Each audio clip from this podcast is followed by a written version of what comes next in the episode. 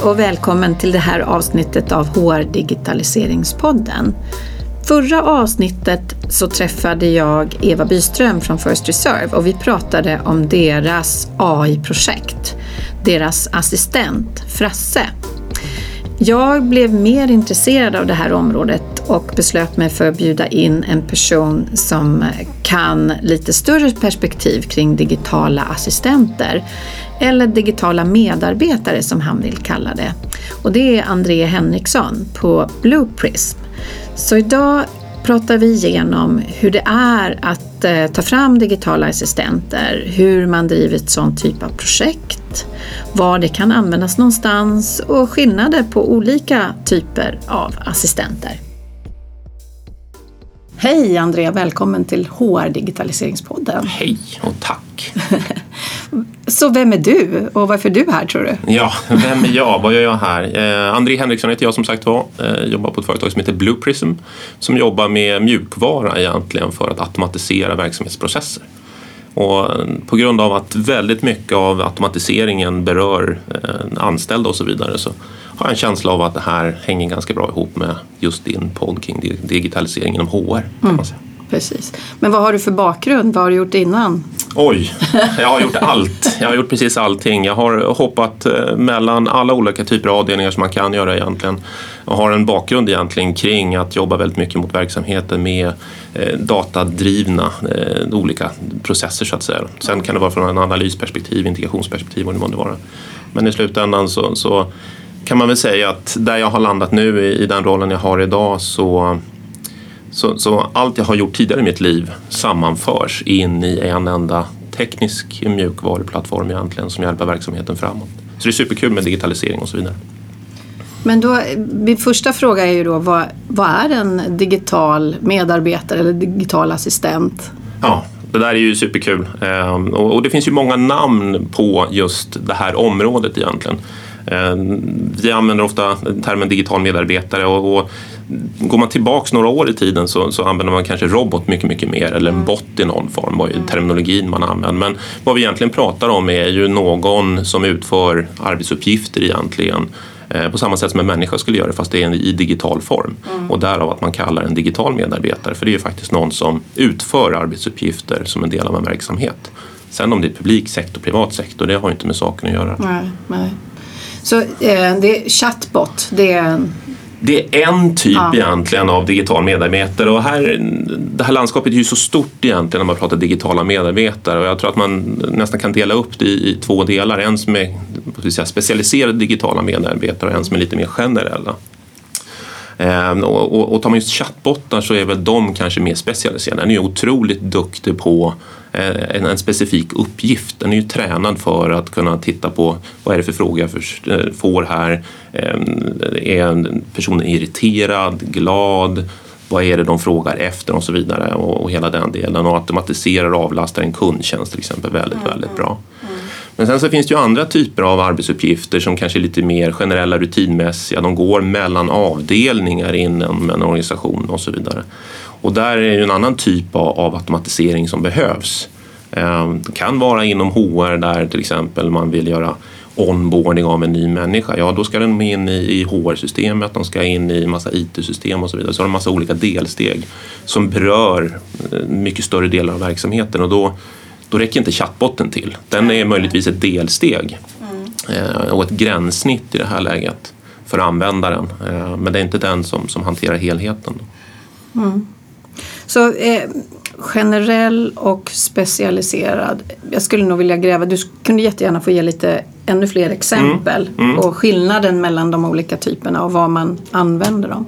Precis, och, och, och det här är ju lite intressant då när man börjar borra ner i, i digitala medarbetarna. För om man först tittar på, på en generell och en specialiserad som gruppering så har vi nästa nivå som, som är också lite grann, är de reaktiva eller proaktiva okay. eh, utifrån ja. hur de jobbar.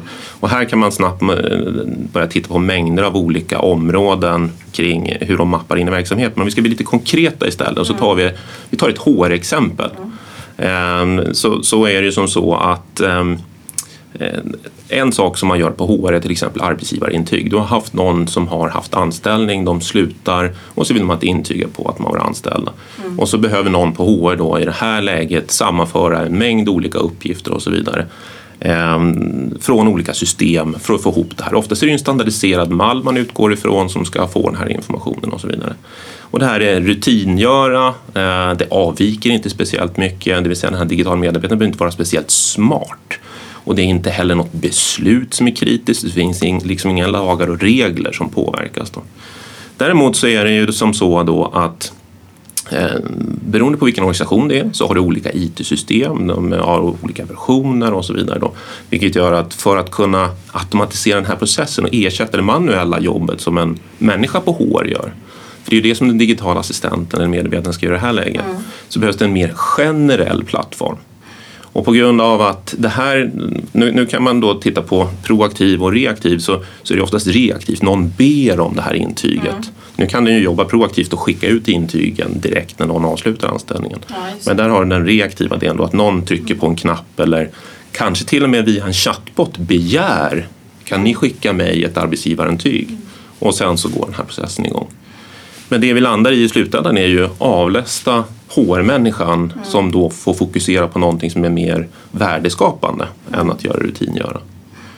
Och här landar digitala assistenter väldigt många gånger att det är standardiserade rutinuppgifter och så vidare som man utgår ifrån. Och det är oftast där man börjar sin resa med digitala assistenter. Mm. mm.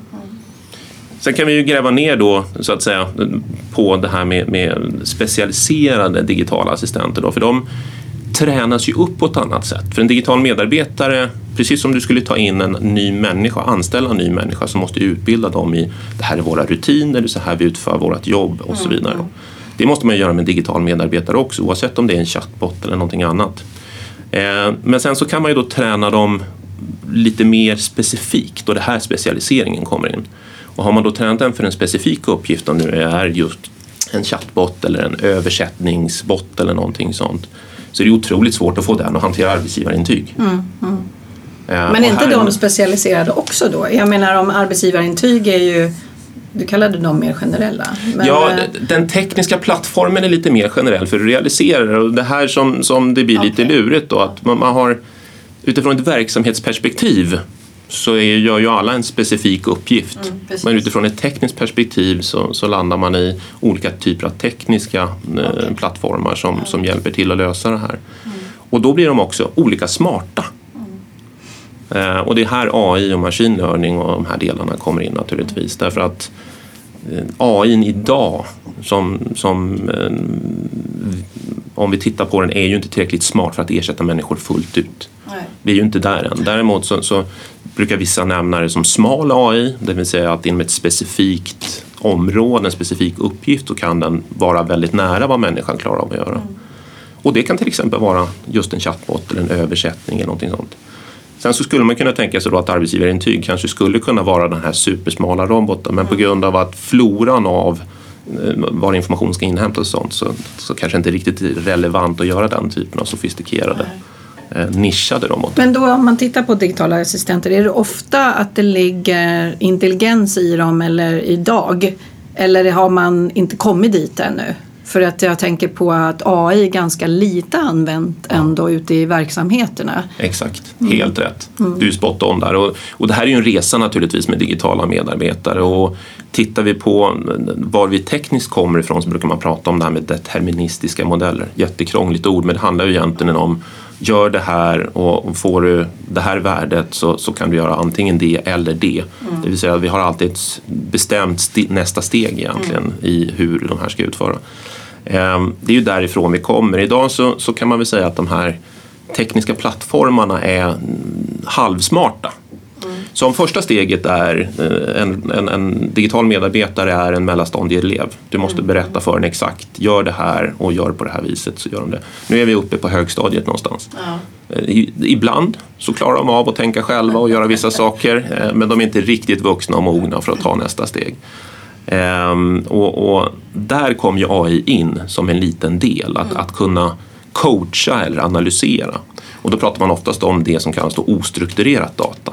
Det vill säga det kommer inte från en databas utan det kanske är ett e-mail som kommer in eller det är eh, ett inskannat dokument som man vill tolka och så vidare där man kan nyttja just maskininlärning för att, att, att, förstå mer informationen som kommer in. För det var lite roligt, jag hade ju eh, Asiri Gatami på besök och pratade AI generellt. Mm, mm. Och då, då, tog jag ordet eh, chatbot och han bara, det är inte AI. så eh, egentligen så kan man säga att det kan ju vara delar som innehåller AI i en chatbot. Mm. Men själva funktionen som den har börjat är mer en regelmotor kan man väl säga ja. då att vi får den här frågan, då kan jag svara på det här sättet. Och blir det någonting som avviker från det, då måste jag skicka ut det på sidan och någon annan tar hand om det. Exakt. Så. Ja. Precis så är det ju. Och, och, det är väl det här som är den stora faran. Alla säger att allting är AI, men det är det ju inte riktigt. Inte Nej. utifrån ett definitionsperspektiv, så det är helt rätt. Utan det är snarare subset eller delar av processer som, som nyttjar mer maskininlärning skulle jag säga. Dessutom som är ja, då en del av AI Eh, området. Då. Jag upplever mycket av det när man börjar glida in över AI så är mycket sånt som redan har funnits som vi inte kallade AI tidigare kring det här beslutssystem och liknande. Mm, mm. Då, kallade vi, då var det bara eh, regler och hantering. Exakt. Och sen nu när vi kan eh, med AIs hjälp förstå kontext av kanske som du säger e-mails då kan man plötsligt lägga på funktioner då eller? Ja, exakt. Mm, mm. Och det är ju oftast resan som sker med de digitala medarbetarna. Att man börjar med en väldigt nerboxad modell där det är 1, 2, 3 som ska ske. Mm. Eh, kanske till exempel arbetsgivarintyg. Det, ja. det, är ju ingenting som avviker överhuvudtaget. Eh, men sen så kan man ju tänka sig då att i nästa delsteg när de blir ja, högstadieelever så börjar man lägga på lite grann för att sen någonstans kanske landa i en hel självtänkande eh, bot. Mm. Kanske inte arbetsgivarintyg är, är klockrent för det men, men jag som då jobbar väldigt mycket mot publik sektor, Aha. där finns det ju lagar och regler som sätter stopp för just den här riktigt smarta botten på väldigt många områden.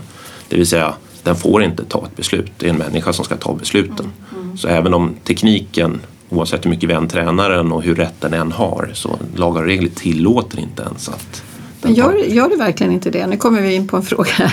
För jag eh, har lyssnat på flera jurister. Man säger ju att man måste kunna visa hur man tar beslutet. Men däremot så kan man ta det är en tolkningsfråga nu inom Ja, jag tror vi landar i, i, i det här härliga området där jag är inte jurist, jag tänker inte ens gå in i det där. Men den, vissa säger så och, och, och, vissa säger på ett annat sätt ja. vad som, som gäller. Och det här med tolkning utifrån det juridiska är ju superintressant. Men ja. eh, det är fortfarande som så att, att eh, vad ska vi säga, det kan vara som så att vi inte vill ens en gång att den ska bli så smart själva roboten. Ehm, det är ju jättepopulärt att prata till exempel om det här med, med försörjningsstöd som tidigare hette socialbidrag. Ja. Där vill man kanske inte att roboten själv ska komma på att idag regnar det lite grann så idag tar jag en annan typ av beslut än vad jag hade gjort igår. Mm. Eh, om man nu spinner iväg och blir väldigt flummig kring hur den skulle kunna ja, ta över jordklotet-stuket. Vilket... Det ska vi inte ge oss in på Men om man vill vara konspiratorisk så kan man landa ja. i en jättekonstig diskussion. Ja. Eh, men däremot så kan ju eh, AI eller maskininlärning hjälpa till otroligt mycket i att förbereda beslutet. Ja, precis. För det är det man, vi mycket pratar om. Det är ju alla de här hjälpmedlen som, som är möjliga med digitalisering är ju stöd ja. för verksamheten för att kunna göra andra saker. Mm. Men hur gör man då? Man, eh, alltså, man ska ju inte bara kasta sig in och säga nu ska vi ha en digital assistent. Vad, hur, hur jobbar ni? Hur jobbar ni tillsammans med kunderna? Var kommer det ifrån? Så att säga? Och här finns det ju olika skolor naturligtvis. Vi, vi tror ju stenhårt på att den, den, den digitala medarbetaren ska vara verksamhetsledd. Mm. Det, det, ska komma från verksamheten att man identifierar ett behov av att här har vi eh, en mängd uppgifter som utförs. Och typiskt om man tittar på, på organisationerna som jag jobbar mot så, så, utmanar man sig själva väldigt många gånger när någon går i pension nu. Okay. Mm. Eh, är det här en arbetsuppgift som verkligen någon ska fortsätta att göra? Ska vi anställa någon? Kommer vi ens hitta någon ung som vill göra det här? Och så utmanar man sig själv kring, kanske vi kan automatisera det här området för att flytta det här huvudet och, och sätta dem på att göra någonting helt annat. Mm. Men, men någonstans så bottnar det hela tiden i att de här digitala medarbetarna, och det är kanske därför som termen medarbetare används, är ju mycket närmare verksamheten. Det här är inte ett IT-projekt bara. Ehm, utan mycket större vikt av att, att jobba med organisationen och titta på vem gör vad. Mm. Mm. Och här finns det ju otroligt mycket studierapporter om man tittar på alla sådana här stora firmor där ute. Eh, där vissa kommer med profetior om att en tredjedel av framtidens medarbetare i en organisation är digital. Sen om det blir rätt eller fel, det törs inte jag säga någonting om. Ehm, men man kan väl konstatera att ja, om du är avdelningschef så kommer du troligtvis ha digitala medarbetare och du kommer ha fysiska. Sen om man sätter namn på dem eller inte så är det fortfarande så utifrån ett verksamhetsperspektiv så är det en, en viss del arbetsuppgifter som ska utföras. Mm. Och här måste man då planera för vem gör vad. Mm. Och det är därför som vi tror att de här digitala medarbetarna, det är otroligt viktigt att verksamheten är, är den som driver kring vad är det som ska göras.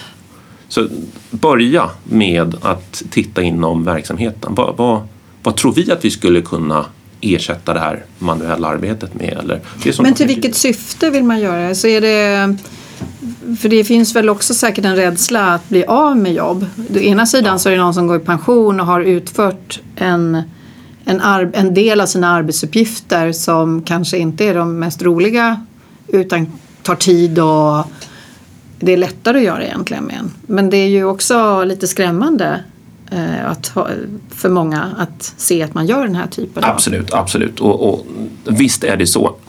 en, en digital medarbetare kommer att förändra vem som gör vad. Det, det råder inget tvivel om. Och i, i, I begynnelsen och i de branscherna som var ledande så såg man ju oftast förmånen att kunna kostnadsbespara i form av att ja, men de här huvudena behöver inte finnas längre i vår matris. Mm. Eh, vilket gjorde att ja, du betalar ut mindre lön och så sparar du en massa pengar. Mm. Idag så har man en betydligt nyktrare syn på det här. Det handlar mycket, mycket mer om okej, okay, den här digitala medarbetaren kan jobba snabbare än en fysisk människa så vi kan höja eh, hastigheten i hur vi kan ja, möta upp utifrån vad det nu är för ärende eller uppgift som ska mm. utföras. Mm. Eh, vi kan sätta eh, våra smarta kollegor på som, som är betydligt smartare än vad en, en, en, digital medarbetare är på att göra mer kvalificerade uppgifter som de inte hinner idag mm. för att de sitter och gör rutinuppgifter. Så man pratar mycket, mycket mer egentligen om den här digitala medarbetaren ger tillbaks tid till de fysiska medarbetarna att fokusera på det som är ännu viktigare. Mm. Um, och ja, det innebär omskolning. Ja, det kommer att innebära ibland att vissa arbetsuppgifter eller hela tjänster försvinner. Men ser man på helheten så ser man ju nu inom väldigt många branscher att det här faktiskt stänger det här produktivitetsgapet vi har. Mm, mm. Ehm, det vill säga vi hinner inte med att göra allt som vi borde göra och framförallt inte inom rätt tid. Men hur kommer man igång? Är det de som, ehm, som har jobbat med det här, är det alltså en, en man, man ser en situation eller ligger man långt framme i sin digitalisering generellt? Vilka är det som startar? Ja, man kan väl säga att vi har väl tagit oss förbi den här lite early adopter-fasen nu ja. utan nu börjar vi gå in i någon mer mognadsfas så att säga. Och nu, nu är det mer en fråga om vem i organisationen är det som tar tag i det här. De flesta vet att det här är någonting som eh, det är bevisat att det funkar. Mm. Eh, sen har man kanske inte kommit så långt. Så precis som du nämnde kring AI inte så etablerat mm. så, så är det samma sak egentligen med digitala medarbetare. Folk förstår att det här är positivt men man kanske inte riktigt kommer igång. Eh, och då är det som vanligt. Då är det någon som måste sticka ner spaden och säga men jag är den som faktiskt vågar börja. Då. Mm. Eh, och det sker otroligt mycket initiativ kring det här området just mm. nu. Sen är det ju alltid en fråga om ska det komma uppifrån eller ska det växa underifrån? Mm. Eh, och där är det ju helt beroende på individer egentligen. Vem räcker upp handen och, säger kör? Men vad behöver man för kompetens? Det är ju Um, om man ska börja tänka. För ja. det, det, är ofta det eftersom den här uh, dialogen handlar också mycket om HR. För HR å ena sidan kommer ju på något sätt bli involverade när det blir digitala assistenter. Precis. Men å andra sidan så ser jag ett värde i att HR gör mycket manuella arbetsuppgifter, kanske också gör saker i lönesystem som man ska kunna automatisera på olika sätt och, och så vidare. Mm, mm. Men då handlar det ju om var, vilken typ av kompetens och hur, vem teamar jag upp med för att liksom få någonting. För det ena är att gå från liksom, ha en idé kring att man skulle vilja göra någonting. Precis.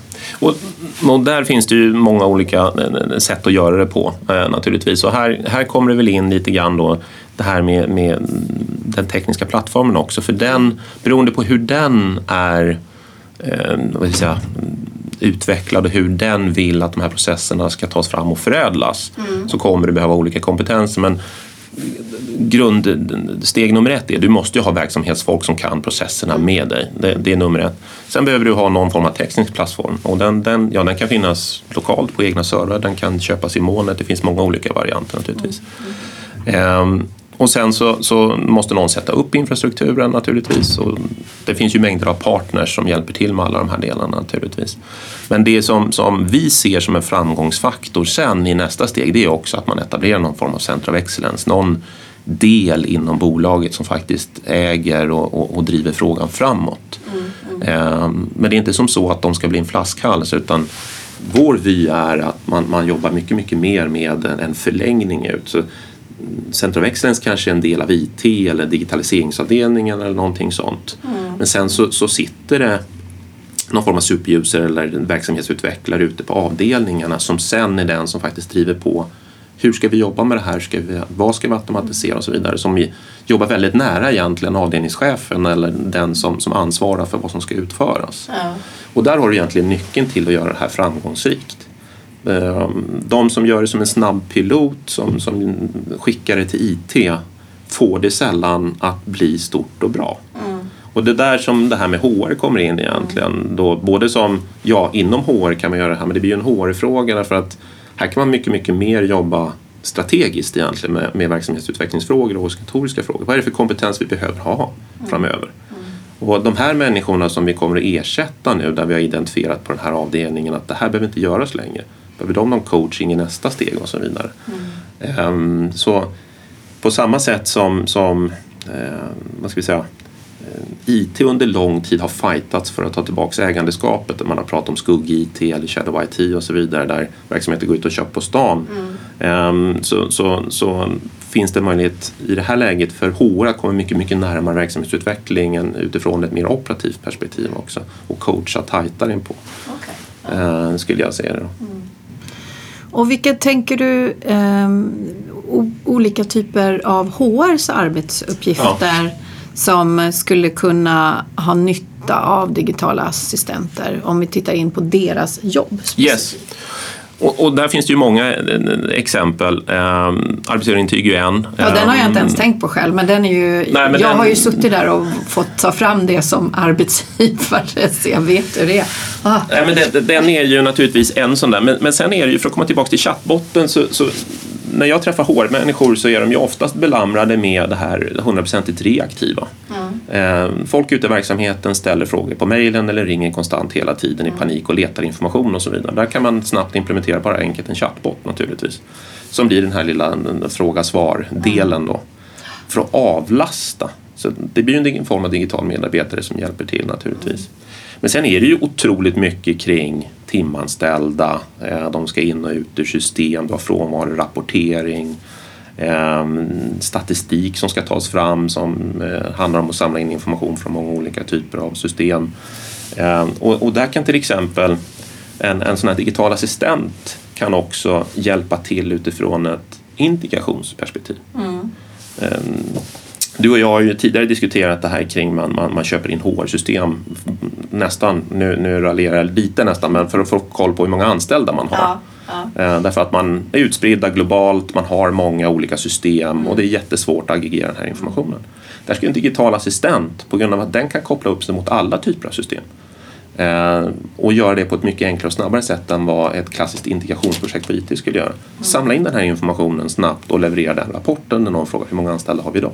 Eller göra det på natten proaktivt och mejla mm, det till mm. HR-chefen. Och hämta upp från de olika systemen. För egentligen så agerar den som en, en person som använder en dator ja. i praktiken och har intelligensen nog. Ja men hämta härifrån, summera, sätt ihop in i Ja, Precis och stoppa in det kanske i något, eh, något analysverktyg i slutändan. Exakt. Mm. Och det är det som är det fina just med de här generella plattformarna. Att det blir nästan som en, en språktolk Ja. Som, som du kan få att prata ett nytt språk på väldigt, väldigt kort tid. Och det är ju tiden det tar att, att få den att förstå hur den ska prata med ett annat system. Mm. Vilket rör sig om minuter, timmar, dagar många gånger. Mm. Eh, vilket innebär att Så fort någonting behöver förändras i den här processen, den sammanställda information, du köper upp ett bolag, ja då behöver du egentligen bara få access till det systemet så kan du få in antalet anställda och göra, fortsätta med din rapportering eh, och så vidare. Så det, man, man, kan vinna tid, man måste inte alltid gå ut och köpa ett nytt system vid sidan om och röra om allting och säga nu ska ni börja använda ett nytt system för att vi ska få koll på det här. Så det är ett nytt sätt att tänka lite på integration faktiskt. Det här ja. med att sätta någon slags hubb i mitten och istället ha en digital medarbetare som man om man är van att göra det då måste man ju lära sig det då och, och bli van vid att använda en sån och sätta upp den. Mm. Precis så är det.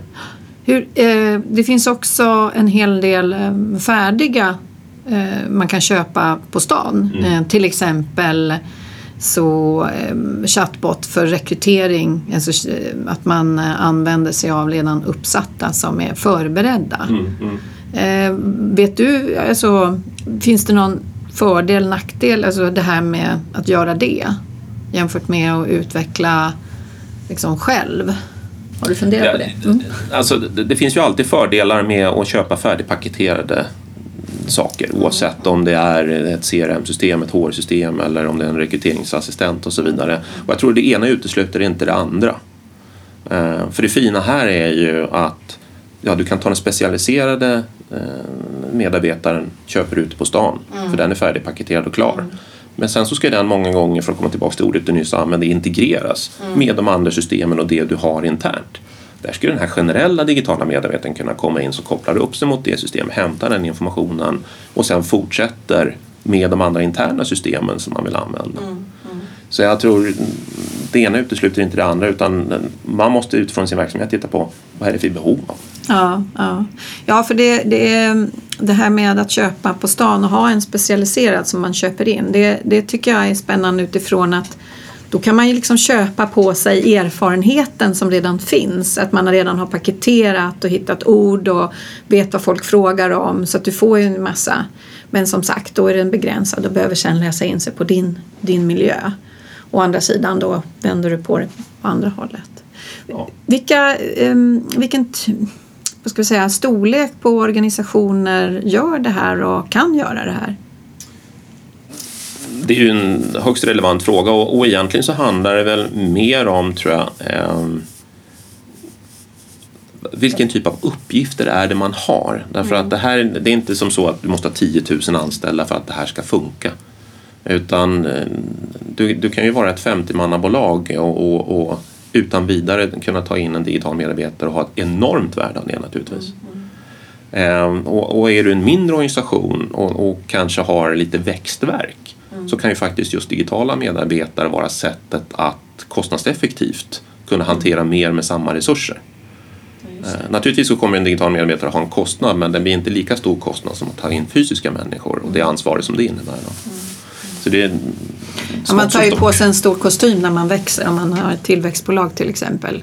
Och kan man tänka lite annorlunda eh, och fokusera där man behöver människorna verkligen. Mm. Precis så är det. Mm. För jag tänker också på, jag träffade ju Eva Byström här mm, för um, en tid sedan bara och uh, pratade om Frasse, deras digitala assistent och de är ju inte speciellt många utan de gav sig in i det här. Så. Och de ser ju ett enormt värde i att avlasta och framförallt tid var väl, du var inne på vad, vad är värdet av de här digitala meddelandena, så var det väl tiden att kunna göra search egentligen som eh, de ansåg var Ja, och då får de en affärsfördel jämfört med sina konkurrenter när de kan uh, få fram kandidater och börja dialogen mycket snabbare än vad deras konkurrenter kan göra. Exakt. Så de har ju en otrolig affärsfördel. Och där var det ju också så att man, man såg att den delen av arbetsuppgifterna var inte den som eh, rekryterarna uppskattade speciellt mycket. Så då finns det ju en verklig win-win. Men det kanske inte alltid är i eh, de här i alla case? Nej, men man, man, kan titta på kundupplevelsen där tror jag. För, och här specifikt så har jag varit med om, om, om själv just HR-delen så tror jag att här kan man jobba jätte, jättemycket med kundupplevelsen och, och feedbacken. Mm. Och att använda den, den digitala assistenten för att säkerställa att du som, om du är i en rekryteringsprocess eller eh, du skickar in ditt CV, vad det månde vara för någonting. Så, så många gånger så, så, har jag och jag har hört många andra beskriva också, det är som ett svart hål. Mm man hör ingenting tillbaks. Det bara försvinner, man förstår ingenting. Mm. och, och, här kan ju då den här digitala medvetenheten komma in för att höja servicenivån egentligen. För att mm. ge en bättre upplevelse av, okej, okay, jag söker jobb på bolag X. De möter upp fantastiskt, vilken rekryteringsprocess. Åh, vilken preboarding, vilken onboarding, vilken offboarding. Det här, oj, som alum till det här, jag kan djupt rekommendera att fortsätta jobba här. Mm. Så det finns enorma värden utifrån servicenivån om man tänker sig här som, som kan vara bra för bolaget. Då. Mm. Sen tar de här delarna naturligtvis kanske bort arbetsuppgiften med någon men med tanke på att man oftast det här svarta hålet beror ju på att folk inte hinner med. Ja. Så finns det ju en positiv effekt ändå. Exakt, så det gäller ju bara att välja, välja rätt var man börjar. För ja. Jag tror att de första stegen är de, nog de viktigaste inom en organisation. Att lära sig på och verkligen ta tag i någonting som, som kan ge det här win-win för organisationen. Eh, för det finns ju exempel när man inte riktigt har lyckats med den, eh, den eh, aktiviteten, det vill säga se mm. att det blir ett värde så det blir negativ feedback från organisationen. Absolut. Mm. Och där kommer ju kommunikation otroligt mycket in i varför gör vi det här? Mm. Och det är därför som, som verksamheten måste ha en idé om den här digitala medarbetaren. Man behöver inte göra en pilot för att förstå längre att det här skapar värde. Det Nej. finns så många som kan berätta det utan varför ska vi göra det här? Det är mycket viktigare att börja med och ha planen för hur fortsätter vi addera processer och hur hanterar vi det? Och det är där som det här Center of Excellence kommer in i bilden. För det, jag har mött otaliga eh, bolag och organisationer som kanske har gjort en snabb pilot. Mm.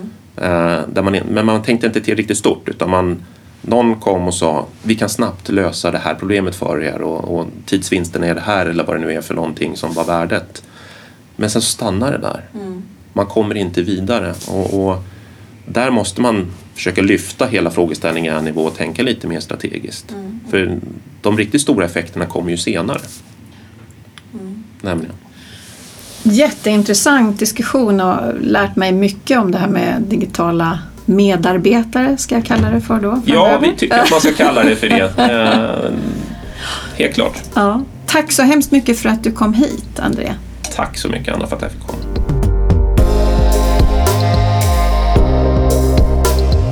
Tack för att du lyssnade på det här avsnittet av HR Digitaliseringspodden. Jag som driver podden heter Anna Karlsson och till vardags så är jag konsult på området HR Digitalisering.